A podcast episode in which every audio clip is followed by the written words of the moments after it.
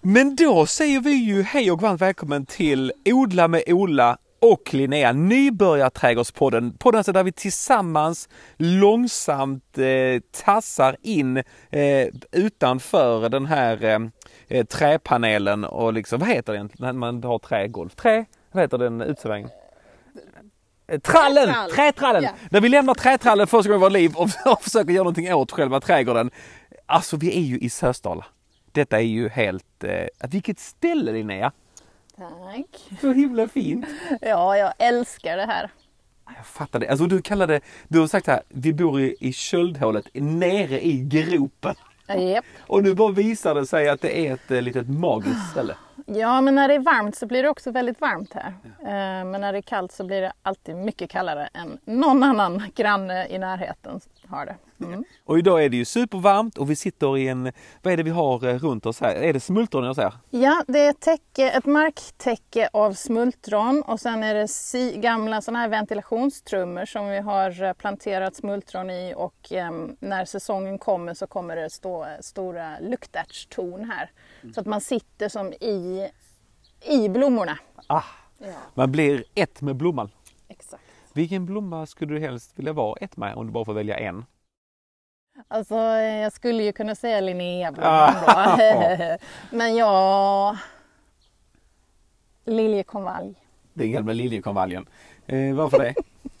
Därför det är, förutom bränd ved, alltså en brasa, så är liljekonvalj den bästa doften.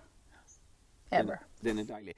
Eh, vi ska prata gräsmatta idag eh, och också lite så här prydnadsgräs. Men först måste vi bara eh, reda ut eh, förra veckan när vi pratade om pallkragar. Då ställde vi upp eh, pallkragarna hemma hos oss eh, utanför eh, Korsvirkestorpet.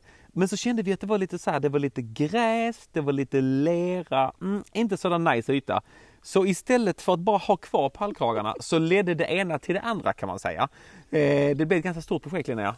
Ja, men alltså så är det ju med trädgård. Att du måste, för att kunna göra någonting så måste minst två andra saker bli gjorda först. Ja. Du väckte så här, ska ni verkligen ha det så? Det var den tanken ledde då till att istället för bara vattna och köra igång så blev det istället schakta ur med spade och rullebör eh, ungefär 5,5 ton eh, bort till tippen med det och sen tillbaka med grus och sån här eh, eh, stenmjöl, eh, tre och en halv ton eh, och sen en padda som plattade ut det och sen återbrukade allt vårt tegel och nu är alltså uteplatsen eh, klar och jag kan inte längre vrida mitt huvud längre än så här till höger för sen säger nacken stopp. Det blir ett rejält projekt. Men tänk vad du har lärt dig. Verkligen! Och sovit gott. Alltså sjukt gott, alltså, som en klubbad säl. Men, det, men alltså, är det ofta är det så det blir när man blir eh, trädgårdsmänniska? Att eh, helt plötsligt så man ska börja göra en liten sak och så blir det gigantiskt? Ja, alltså jag är ju inte en tidsoptimist. Jag brukar kunna bedöma ganska bra hur långt projekt tar. Men,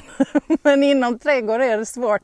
Därför är det alltid någonting annat som du behöver fixa. Så, eh, men jag är jättestolt över dig och Malin som har gjort detta. Det är fantastiskt fint också. Eh, tack så mycket. Jag är också väldigt stolt över svärmor som har passat barnen, som har möjliggjort detta rätt tidskrävande projekt. Ja, det är därför det är bra att ha dem nära. det kan man lugnt säga. Eh, vi ska ju alltså hugga tag i, i det här gräsmattan, men jag måste bara ändå.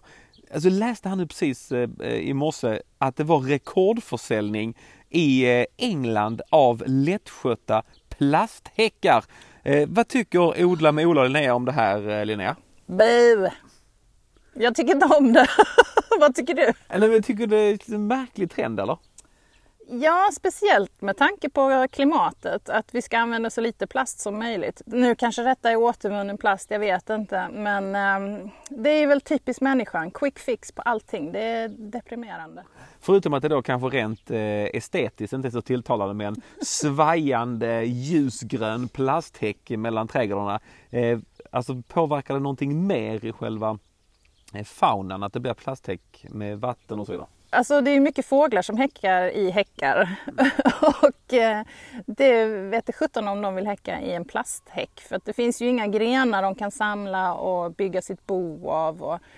Men jag menar djuren anpassar ju sig. Eh, till och med getingar bygger ju med plast och sådär och, och, det kanske blir så. Åh, jag blir så deprimerad när jag tänker på det. Jag vill inte tänka på det mer.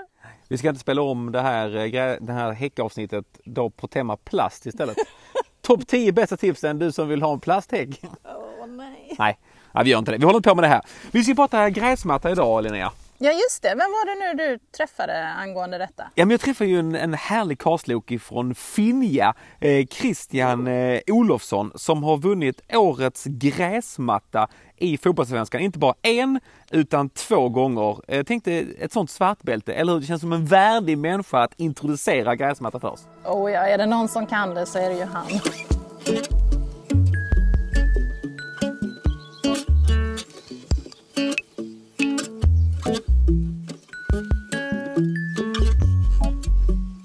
Då står ju alltså inne på eh, Olympia i Helsingborg med planansvarig Christian Olofsson. Grattis till eh, dubbelt SM-guld i gräsmatta i efterskott.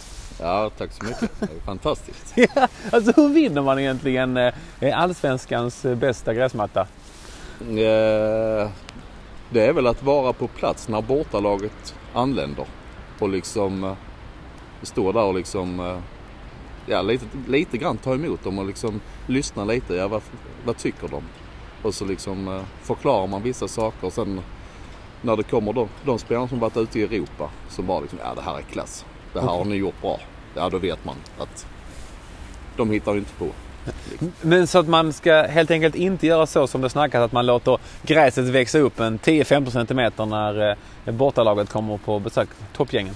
Nej, man ska väl eh, flörta lite med dem för det är ju de som röstar. Men alltså det man tänker spontant när vi står här nere på eh, gräsplanen är ju alltså vann ni årets bästa gräsmatta för att hif spelarna inte direkt glidtacklade sönder gräset för säsongen? Ja, det kan ju vara så. Men fram, ja, framförallt är det väl att eh, det är så mycket konstgräs i Allsvenskan sådär. Så när de väl kommer hit och ser en riktigt jäkla bra gräsmatta så tänker de jäklar vad bra det här Detta har vi inte sett någon annanstans. Det är lite den respons som vi har fått. Så att, eh, ja. Det är naturgräs som gäller eh, helt enkelt. Nu spelar HIF i Superettan och det känns ju ändå som att vi har en eh, en fin gräsmatta framför oss. Det känns lite så bittert att inte kunna vinna Allsvenskans bästa gräsmatta i år igen. Lite så som att du eldar för kråkorna eller krigar ni på ändå med gräset? Ja, vi krigar ju på ändå men det är väl klart att det är tråkigt.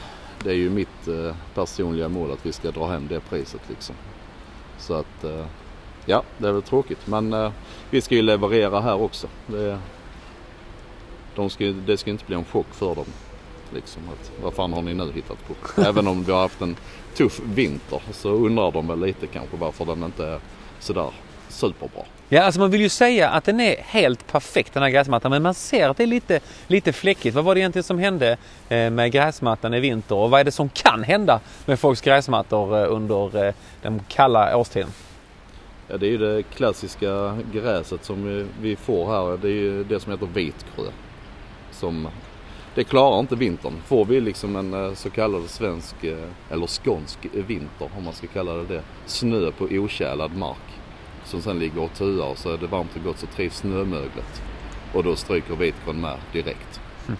Så att det ädelgräs vi sår in har ju klarat sig. Men det visar ju sig också att fan det är inte mycket ädelgräs vi har. Utan det här vitgrögräset tar över. Det är ju ett, ett form av ogräs i vår värld. Medan det kan vara ett äh, ädelgräs ska jag ju inte kalla det. Men det kan ju vara ett bra gräs för hur många som helst. För att det är det som bör växa först av alla grässorter. Det, alltså det är ju, och är, vill ha lite vatten, lite näring. Det vill liksom bara ha.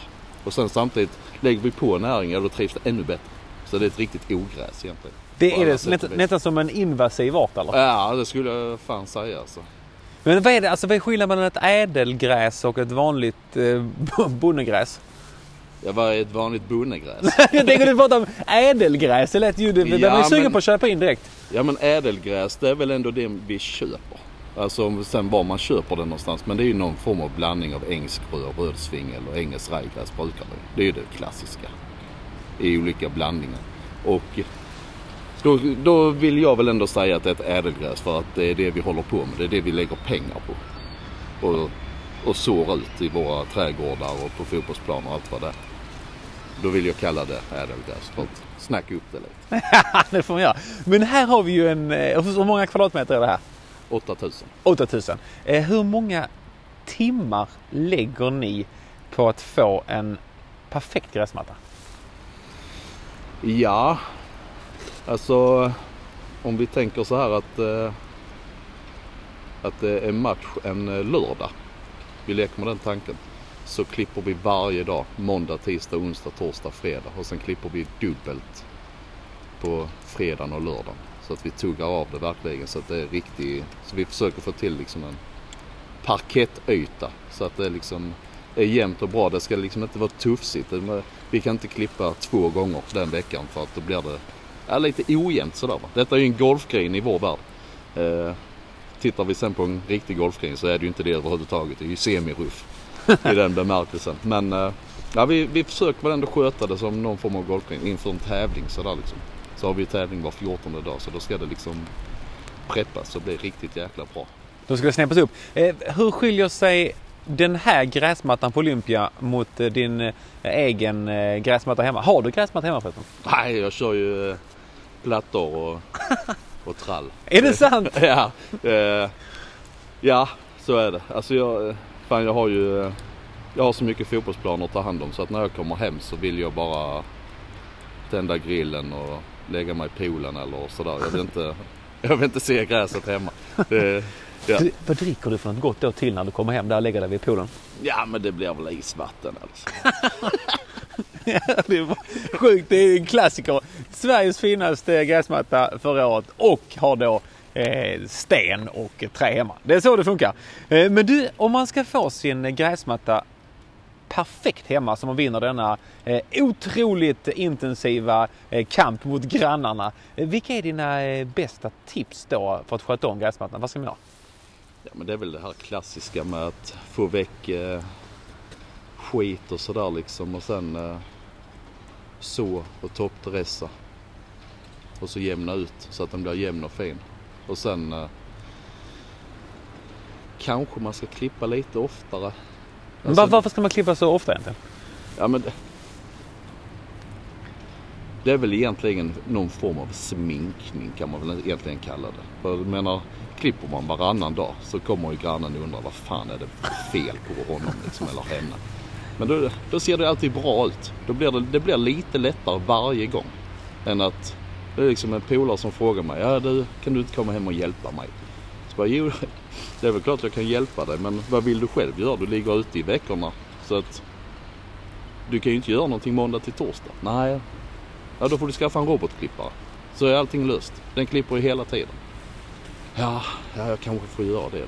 Så att egentligen så är det väl, undrar om det inte är mitt bästa tips egentligen. För att då kan ju den klippa, sen kan man ju gå och pula och plocka lite maskrosor lite ogräs och sånt där skit. Och sen på med lite fröer och lite toppdress sådär liksom. Men, men, men så robotgräsklippare är det som gäller?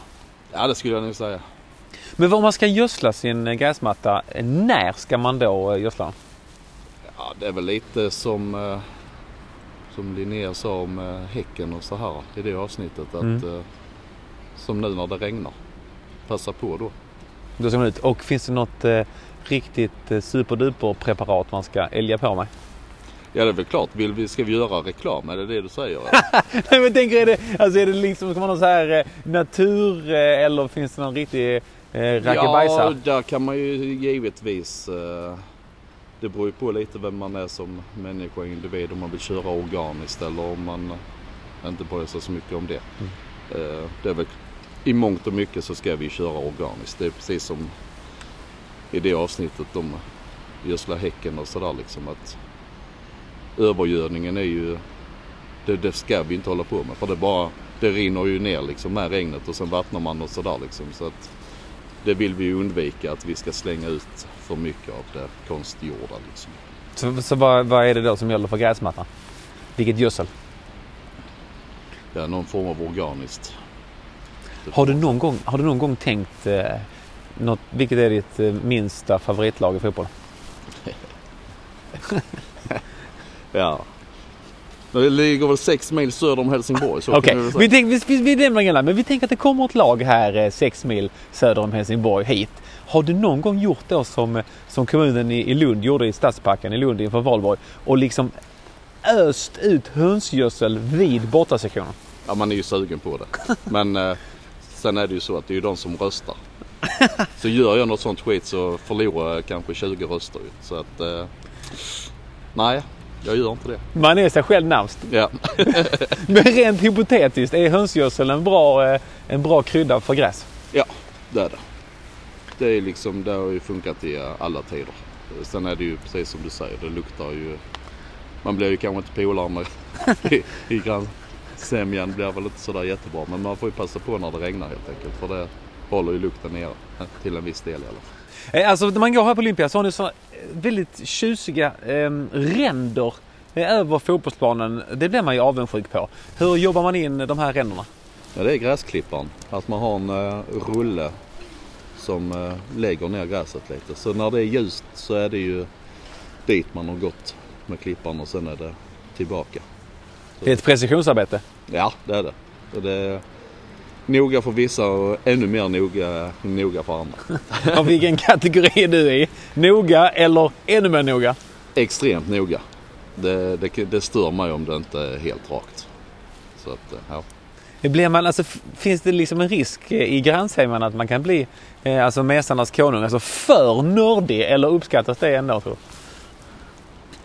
Med tanke på att jag har trädäck och plattor hemma så, så tycker jag det är rätt så gött när man, när man hör dem hålla på med sina gräsmattor där runt omkring. Att man liksom, ja. Så att, eh, ja, jag vet inte, jag kan inte riktigt lägga mig i det där. Nej, du bryr dig inte ett enda dugg om det. Men du, vi fick en, en bild här av, em, av eh, Hjalmar som skickade in. Han hade byggt här, nu ska vi visa här fint. Jag ska lägga upp de här på, eh, på Instagram också. Vi ska se här om vi kan försöka multitaska in denna bilden. Han hade alltså jobbat in en, en egenproducerad järnsko. Vad säger du om den? fin. Ja, det, det är nästan som en snösko fast med dobbar som är typ så en decimeter långa av eh, någon slags stål som Ja. han då spänner på sina skor. Och sen går han älgar runt på gräsmattan eh, för att eh, lufta den. Ja. Vad tror du om de skorna? Eh, de tror vi på. Det, när de skulle köra, alltså, vad heter det, Afrikanska mästerskapen. Ja. Så har jag hört att eh, de skulle då fixa med fotbollsplaner där nere. Så ja men kan vi få hit en, eh, en såmaskin? Nej, det har vi inte. Nej, men kan vi toppdressa? Nej, det har vi inte. Har vi en luftare? Nej, det har vi inte. De hade ingenting. Men så det blev till slut att eh, de arbetarna där nere de fick eh, en sån form av typ av sko på sig. Så att det var så de gick och luftade. Funkar det bra? Det gjorde det. Det är ju fantastiskt. Att, eh, han är eh, relativt rätt på det. Hjalmar är klar för Afrikanska mästerskapen nästa gång. Ja det kan man säga. Men hur viktigt är det att lufta en gräsmatta? Ja det är superviktigt. Va, Det- Vad händer då när man eh, luftar? Ja allting händer. Alltså har man en, eh, en gräsmatta som inte har blivit luftad så skulle jag säga att börja lufta så kommer det bli sånt jäkla bra utbyte av eh, allting. Hela bakteriefloran och sådär kommer att dra igång liksom. Allting kommer att starta. Allt liv i backen kommer att komma igång. Så att eh, rent krasst om sådär liksom. Man kan ju vända en fotbollsplan eller en gräsmatta från, eh, från illa skött. Alltså sådär att den, det är ingen höjdare så bör, kan det räcka med att lufta. Så kan det ge jättebra resultat. Men det är perfekt, då har vi koll på gräsmattan. Eh, har vi något avslutande tips eh, ifrån dig hur man får en härlig grön prunkande eh, gräsmatta detta år? Ja, det är väl mycket kärlek och lite av varje sådär. Och trivs man med att gå ut och pula och plocka ogräset och gå och vattna och sådär så, så bara gör det liksom. Fyll på med fröer och jämna till det. Om man nu fortfarande står i valet och kvalet, eh, ett trätrall eller gräsmatta. Eh, hur många timmar måste man beräkna om man ska få en fin gräsmatta? Många fler timmar än vad det tar att bygga trätrall i alla fall. Så då, dubbel svensk mästare i gräsmatta, Christian Olofsson. Vad väljer man då? Gräs eller trätrall? Trätrall. Ja, lysande.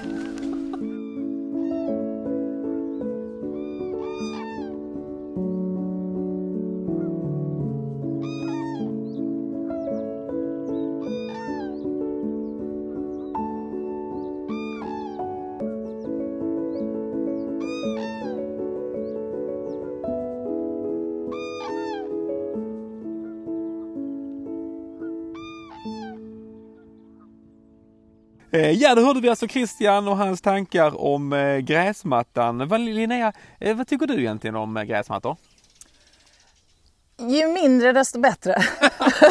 Är det så? Ja, alltså jag älskar gräs. Speciellt på sommaren att ligga i gräset och ha tårna i gräset och så. Men det är ju väldigt mycket skötsel och eh, man kan ju ha annat där istället. Är du lite av en, alltså en gräsantagonist, om du ska vara helt ärlig? Nej, kanske inte. Eller jag vet inte. Nej. Det är inte mitt favorit eh, trädgårdselement. Nej. Eh, Vi sitter ju nu i en gammal gräsmatta som ni helt har eh, förvandlat totalt.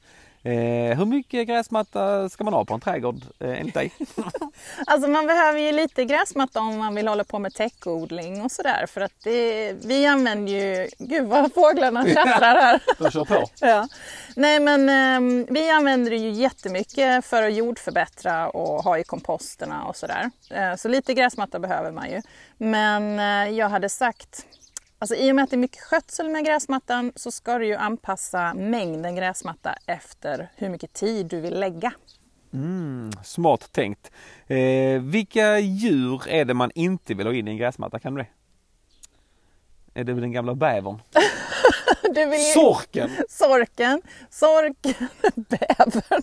Nej, den bävern gillar inte gräs. Nej. Nej, helt fel. Ehm, men, eh, men det hade varit väldigt roligt att ha bävrar här. Ehm, ja men sorken, mullvaden, pingborrelarven Oj! är en som kan ätas, eh, den äter liksom upp rötterna på eh, gräsmattan så att den totaldör. Det finns biologisk bekämpning för detta som man vattnar ut för att bli av med dem. Men ehm, nej, det finns många problem man kan ha om man har gräsmatta. Eh, Kan, finns det något sätt att, eh, att få den här sorken att välja grannens eh, gräsmatta istället för sin egen? Alltså det vi gör, dels har vi ju katter som jagar, vilket är väldigt skönt. Ehm, och sen så kan du, så fort du ser en sorkhög eller ett sorkhål. ehm, vi har ju ett stort problem med detta i Slottsträdgården där jag arbetar. Och där har vi fått tips om att lägga kaffesump i sorkhålen. Så man letar upp sorkhålen, petar ner gammal kaffesump där i. Oklart om det hjälper. Eh, det jag gör hemma är att jag, om det är mullvadshögar och så på gräsmattan, så är jag snabbt där med krattan, alltså den hårda, inte den mjuka räfsan, utan krattan. Eh, och räfsar, liksom planar ut de här eh, högarna. För då, eh, dels så stör du mullvadarna, de fattar att usch, någon är här och håller på. Då, tar jag, då väljer jag en annan plats. Eh, och sen så får du ju en jämnare gräsmatta också om du är snabbt på och, och jämna till ytan. Ehm, det, jag tycker att när man börjar klippa gräset eh, med gräsklippare, den har ju ett burrande ljud. Jag tycker att då brukar vi få mindre mullvadshögar. Eh, jag tror inte de gillar det där burrandet. Så kanske någon, något sånt ljud också. Högljudd eh, gräsmatta? Gräsklipp, eller gräsklippare? Precis, något som bullrar riktigt mycket. Bullrande. Alltså jag måste erkänna att jag, alltså min livs högsta dröm hade varit att ha ett par, tre, fyra mullvader i trädgården. Men det, men det kanske är någon slags, eh, det är en sjuk tanke, kanske, jag tänker kanske helt fel. Jag bara tänker att det var lite cool att det sticker upp en mullvad och säger Hallå Selmen på morgonkvisten. Men det kanske är att det- jag kanske ska akta mig vad jag önskar mig här eller? Vad, vad, vad gör de för skada på trädgården? Eh, De kan ju förstöra jättemycket. Och- Och sork framförallt biter ju av rötterna på fruktträd och sådär så det kan verkligen förstöra. Men jag blev väldigt nyfiken här varför du vill ha fyra tama mullvadar. Nej men tänker att du ser så himla gulliga ut Ja, så hade det varit lite Fast det kanske ska vara, passa mig vad jag önskar mig här eller? Ja, du vill helst inte ha dem. Eh, Även om de är söta. Ja, jag tar tillbaka Du den. kan ha en uppstoppad. Ja, det blir bra. Jag, kör, jag går på kompromissen en uppstartad eller gör man som man gör i England och köper en plastbäver. Nej just det, det blev det bäver igen. Plastmullvad menar jag. Ja. Får starta en eh, djurpodd och lära mig skillnad på olika djur. Eh, prydnadsgräs känns ju väldigt populärt. Eh, Mm. eh, kan man odla sitt eget prydnadsgräs? Ja, det går jättebra. Ehm, Det kan du odla från frö, men du kan också, om du köper från plantskolan, så kan du också dela de här plantorna eh, efter några år när de har blivit större. Så många prydnadsgräs går jättebra att dela. Hur gör man när man delar det? Då gräver du upp den från marken och sen så sticker du antingen en väldigt vass spade eh, i rotklumpen eller en vass kniv eller såg och så delar du den i så många delar som, som går. Om det är en väldigt stor klump som kanske är ja, men 30 cm diameter, då kanske du kan få fyra plantor av den. Eh, så det är ett bra sätt att eh, föröka mängden gräsplantor. Eh, vad använder man eh, sånt där prydnadsgräs? Kan man ha, är det något mer syfte än att det ska se snyggt ut i buketter och så? Eh, det är för att få eh, en struktur i trädgården. Ehm, du kan ju arbeta med, alltså det har jättemycket med design att göra, hur du vill att din trädgård ska se ut. Det finns ju gräs som är väldigt höga och står rakt upp. De är ju jättevackra att ha, rör sig i vinden vackert. Mm. Sen har du ju mer krypande sorter, ehm, mer lite fontänlika sorter som liksom är nästan som muppar ser de ut när de är där i, i, i rabatten med sina yviga frisyrer. Så det finns ju olika sätt för hur, hur, vad du vill ha för stil i din trädgård helt enkelt. Eh, om man, alltså, om man eh, vill vara en så här modeträdgårdsperson, eh, finns det någon, alltså, är det någon skola som använder sig av eh, eh, av eh, prydnadsgräs mycket i trädgårdsdesignen. Om man nu ska sitta och bräscha på tiofikan. Ah, vi håller på att anlägga en italiensk trädgård och därför, eller vilken skola är det? Man kallar det för The New Perennial Movement som kom någon gång eh, strax innan millenniumskiftet. Där man helt plötsligt började använda jättemycket prydnadsgräs i planteringarna för att man ville skapa lite mer den här prärieaktiga känslan på sina planteringar. Pete Odolf, en världskänd eh, trädgårdsdesigner. Han är från Holland från början. Tror jag. Och jag har så svårt att hålla skillnad på Belgien och Holland. Men jag tror han är från Holland. Han är en av mina inspirationskällor. Eh, han jobbar jättemycket med gräs på olika vis. Ehm, så att New Perennial Movement kan man slänga sig med på fikarasten. När du tittar in i mina skånska fiskögon, ser du då en New Perennial Movement människa? Alltså en, en kommande sån eller vilken stil tror du jag är? Ja, Alltså grejen är att ni har ju faktiskt sparat en bit äng i eran trädgård så att jag tror att, och den skulle man ju kunna förfina med, alltså man skulle ju, nu är den väldigt naturlig, ni har bara släppt upp gräsmattan och sen så är det en del lökväxter där och, och så. Sommarblommor som har fått frö av sig. Eh, men det skulle ju du kunna göra en twist på och hjälpa den att bli ännu vackrare och prestera ännu mer hela eh, året. Så att eh, jag kan nog se det. Lite gräs där. ja, tänk vad gött! Det blev det jag och den här karsloken från Belgien, alternativt Holland, vad var den hette? Pete Odolf, kolla upp honom, han är fantastisk. Honom ska vi ha! Nu sitter vi på en lite mer eh, hardcore eh, trädgård. Alltså en, en, som har kommit en sådär en 20 år längre i trädgårdsutvecklingen än hemma hos mig. Och här finns det också en lite, lite annan eh, fågelmöjlighet. Eh, eh, vilken är er favoritfågel här ute i Sösdala? Tranan. Tranan. Ska vi lyssna en låt då? Ja tack. Luta dig tillbaka, här kommer den. Veckans fågel, tranan.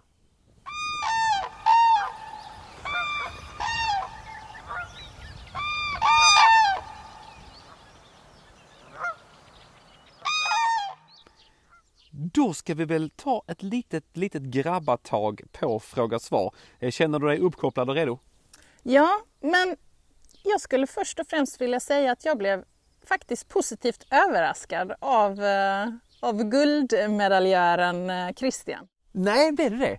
Ja, för jag tänkte att nej men det är säkert blåkorn för hela slanten där som, som han gödslar med, Olympia. Men han pratar ju faktiskt om att man måste hålla man måste göra det hållbart eh, och eh, jag blev väldigt glad av att höra det. Att även en sån fin gräsmatta som säkert, de har säkert jättemycket press på sig att göra dem så fina som möjligt så att fotbollsspelarna röstar. Mm. så att de kan spela på ett bra sätt. Men äh, jag blev väldigt glad av att höra hur, äh, hans inställning till detta. Mm, kändes väldigt. Skulle man kunna ha lite så prydnadsgräs kanske bakom hörnflaggorna? Där? ja, i olika färger. Eller, men om man ska vara lite sådär eh, uppdelande, kan man säga att gräsmatta, alltså klassiskt, är, är det liksom en mansgren av, eh, av trädgårdsarbetet? Alltså jag tror att eh, Ja, men lite. Jag vill helst inte dela upp Nej. det manligt och kvinnligt, men om man, när man åker runt i villaförorter och sånt så är det ju nästan alltid mannen som är ute och klipper gräset. Och det är oftast mannen som eh, sköter gräsmattan och, och vill att det ska vara en gräsmatta. Jag, jag brukar höra det när man, om man ska designa en trädgård till exempel. Och då är det alltid mannen som säger ja, men vi måste ha gräsmatta. Och så säger kvinnan, nej men varför då, vi ska ju ha perennplanteringar. Ja men var ska vi annars spela fotboll någonstans? Så att eh, det, det verkar vara lite uppdelat. Ja, men det är, alltså, vad, är det som gör, vad är det som gör att, eh, att, att det blir på det sättet? Att, med grä, alltså, gräsklippning liksom, vad är det som gör att folk kickar igång på det? Alltså jag tror det är en prestige. Alltså jag hade jättegärna haft en perfekt gräsmatta här. Liten, men perfekt. Det hade varit jätteroligt. Men jag vill inte lägga den tiden. Jag vill hellre lägga det på saker som kan ge mig någonting som mat eller vackra blommor eller någonting sånt. Ehm, Men vissa är ju bara lagda åt det hållet att, att man vill nörda ner sig i någonting och då är ju en perfekt gräsmatta någonting väldigt bra att nörda ner sig i. Så länge man gör det på ett hållbart sätt. Mm, precis. Då känner jag att vi kanske ska kasta oss in över det här eh, fråga svar-delen. Ja, absolut. Eh, Det är ju så att vi har ju en eh, eh, Instagram-sida som heter Odla med Ola och Linnea. Också en mail, odla med Ola och Linnea at gmail.com. Där det går så himla bra att skicka in eh, mail och frågor till oss. Också blivit uppringd och fått en fråga faktiskt. Jaså, vad spännande. Ja, det är helt sjukt att jag då ska iklä mig i rollen som expert. Jag försökte direkt eh, R3 in dig på ett gruppsamtal men jag, jag lyckades faktiskt parera frågan. Det var eh, kan jag flytta mina rosor nu? Och då sa jag vänta till hösten. Åh, wow Ola, skitbra! Vad glad jag blev. Ja, det var tur också att jag svarade rätt annars hade man fått på fan därifrån. Eh, Linné, eller eh, Lena undrar, eh, vad gör man om man har bränt gräsmattan på grund av övergödsling? Undrar eh, Älmhults finest eh, Lena. Ja du. ehm, alltså jag hade nog sagt, alltså det- är svårt, jag vet faktiskt inte. Eventuellt att man ehm, försöker vattna den. Eh, då kommer ju gödslingen åka ner i grundvattnet istället. Ja. Så det blir inte jättebra det heller. Ehm, men det är det enda jag kan se är att man försöker spä ut det här. Och sen så får man bara vänta tills gräset återhämtar sig. Om det inte återhämtar sig så får du ju i så fall göra en ny gräsmatta. Och då kan du ju göra på det som du och Christian pratar om. Antingen att man rullar ut en ny gräsmatta eller att man eh, sår för hand. Men det är bara att vänta och se. Jag har faktiskt inte varit med om det själv men oftast gräsmattor är ju ganska slitstarka och har man råkat spilla någonting, olja eller någonting sånt någon gång så, så har ju ändå gräsmattan kommit tillbaka efter några år. Men det, var- det var inte bra. Nej, det finns ingen någon slags eh, dammsugarfunktion där man kan suga upp övergödningen. Nej, för att så fort det blir fukt, det räcker ju, det behöver inte regna, det räcker ju med att det är lite fuktigt på natten, dagg och sånt där och då, eh, då börjar ju all det där gödslet gå ner i, eh, eh, i jorden. Eh, finns det någon slags eh, göd, eh, nu är det kanske då hoppet ute för just den här, trä, den här gräsmattan, men om man, när man ska göda sin gräsmatta, vilket preparat är minst risk att det ska sluta med ett haveri?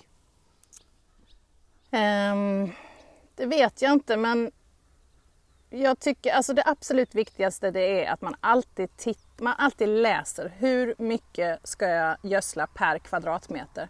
För vet du det då, ehm, då kan du ju inte göra fel. Så chansa inte utan läs ordentligt. Ehm, för att vi vill inte att all, den här övergödslingen går ner i våra vattensystem. Alltså det, det är skit och allt mikroliv som blir påverkat av det. Och, Nej, det vill vi inte och vi vill heller inte att Lena ska chansa. Framförallt inte på sin fråga två som lyder. Jag är orolig för sonen Henriks ros. Eh, den är väldigt få gröna blad där nere. Eh, men att den är fin upp till. Eh, törs hon klippa ner den nu eller ska vänta till hösten eh, undrar Lena med den övergödslade gräsmattan. Ska hon attackera sonens eh, ros eller inte? Um jag tycker att hon ska attackera den. Alltså för, för det vi har pratat om i rosa-avsnittet där var ju just att vi vill ju inte ha de här kala benen utan vi vill ju att den ska bryta från eh, basen så att den blir tjock och fin. Eh, så finns det knoppar där nere, um, precis som vi pratade om, tre till fem små ögon som tittar fram. Nu har de kanske blivit blad då, eh, så kan du ändå klippa ner.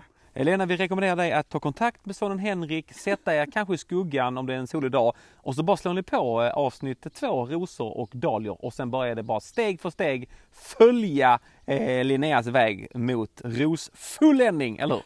ja, det låter bra. Har du ett, eh, en gräsmattsfråga till i dig? Ja, det har jag. Okej, okay. Micke undrar. Eh, min gräsmatta smög sig 2018 under torkan misstänker jag då.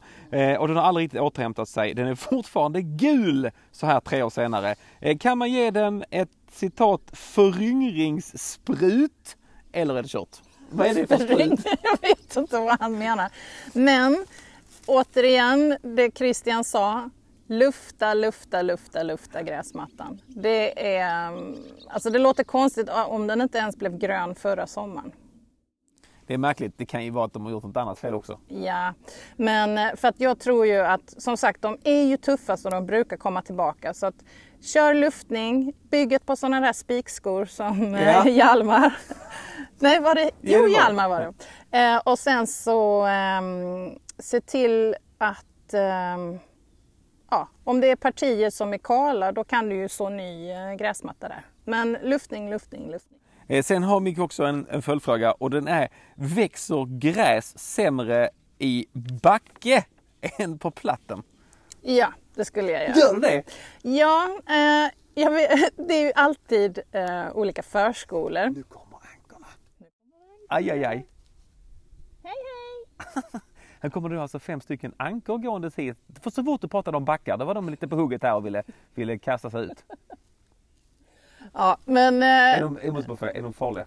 De är inte farliga, de Nej. är jättefina. Jag hörde hur du, hur du berättade hur de gav eh, mördarsniggen på fan så jag var lite orolig här med mina bleka ben. de kommer inte missta dig för en mördarsnigel. Nej, det är bra. Men just det, eh, odla gräs i backe, ja. svårt. Eh, Förskolor vill ju ofta ha lite gräs och så vill de ha kullar mm. så att barnen ska ha roligt och kunna rulla ner för kullar och sånt där. Och då, jag vet inte om, om dina barn går på en förskola med sådana gräskullar men det brukar ju alltid bli bara kala jordhögar istället. För gräset är svagare i, i, uh, på kullar. Sen är det jättestora backar så självklart men ju brantare det är desto sämre tycker jag att hållbarheten är på gräset. Eh, för att det blir väldigt torrt eh, upp till eh, och sen så, ja, det blir inte så snyggt. Men jag skulle säga, är det, är det en backe som inte är så brant så är det ingen skillnad. Nej. Utan det är mer om man gör egna små kullar som, som det inte brukar hålla så bra. Ja, Mikael, håll ifrån de eh, egna små kullarna så kommer det här gå så himla fint. Eh, det var eh, det hela. Eh, vad har vi lärt oss idag? Vi har lärt oss att det finns olika sätt att så gräsmatta på och vi har också lärt oss att det är inte så dumt att jobba med naturliga preparat. Det har man ju sett på Olympia. Dubbel guldmedaljör trots att det var snälla preparat i gräsmattan. Är det någonting mer vi vill skicka med oss här ut i trädgårdslivet? Ja men satsa på prydnadsgräs. Alltså jag tycker verkligen det. Um, prydnadsgräs är en väldigt, ett enkelt sätt att få det snyggt i rabatterna. Eh, viktigt är att man klipper ner dem på våren. Man klipper inte ner dem på, eh, på hösten utan man låter dem stå på hösten för då har de massa frön som småfåglar kan äta. Det är massa små insekter som bor i deras ihåliga eh, strån. Så att klipp ner dem absolut sist av alla på våren. Eh, klipper man dem för tidigt så kan de eh, ruttna eh, om det skulle vara mycket nederbörd. Eh, vill man skydda sina prydnadsgräs så kan man också lägga lite löv på dem. Men prydnadsgräs, satsa på det! Oh, och vad heter nu det fina ordet som man kan berätta för alla sina vänner att man, den stilen som har influerat den? Ja, men jag är ju influerad av The New Perennial Movement. Eh, The New Perennial Movement-podden Odla med Ola och Linnea tackar så mycket för idag. Glöm inte Instagram-kontot kan man ställa frågor där och det blir så himla härligt. Producenten och klippare av denna podd heter inget mindre än Fredrik eh, Sander. Nästa vecka då blir det kompost och så det här japanska ordet, vad heter nu det? Bokashi. Ja, bokashi. Googla inte bokashi, det behöver du inte göra utan du kommer få det rätt in i lurarna nästa vecka. Då ska vi ta tag i den här, är det japanskt eller? Ja, det är japanskt. Åh, oh, du längtar till det. Hej då så länge! Hej hej! Hej!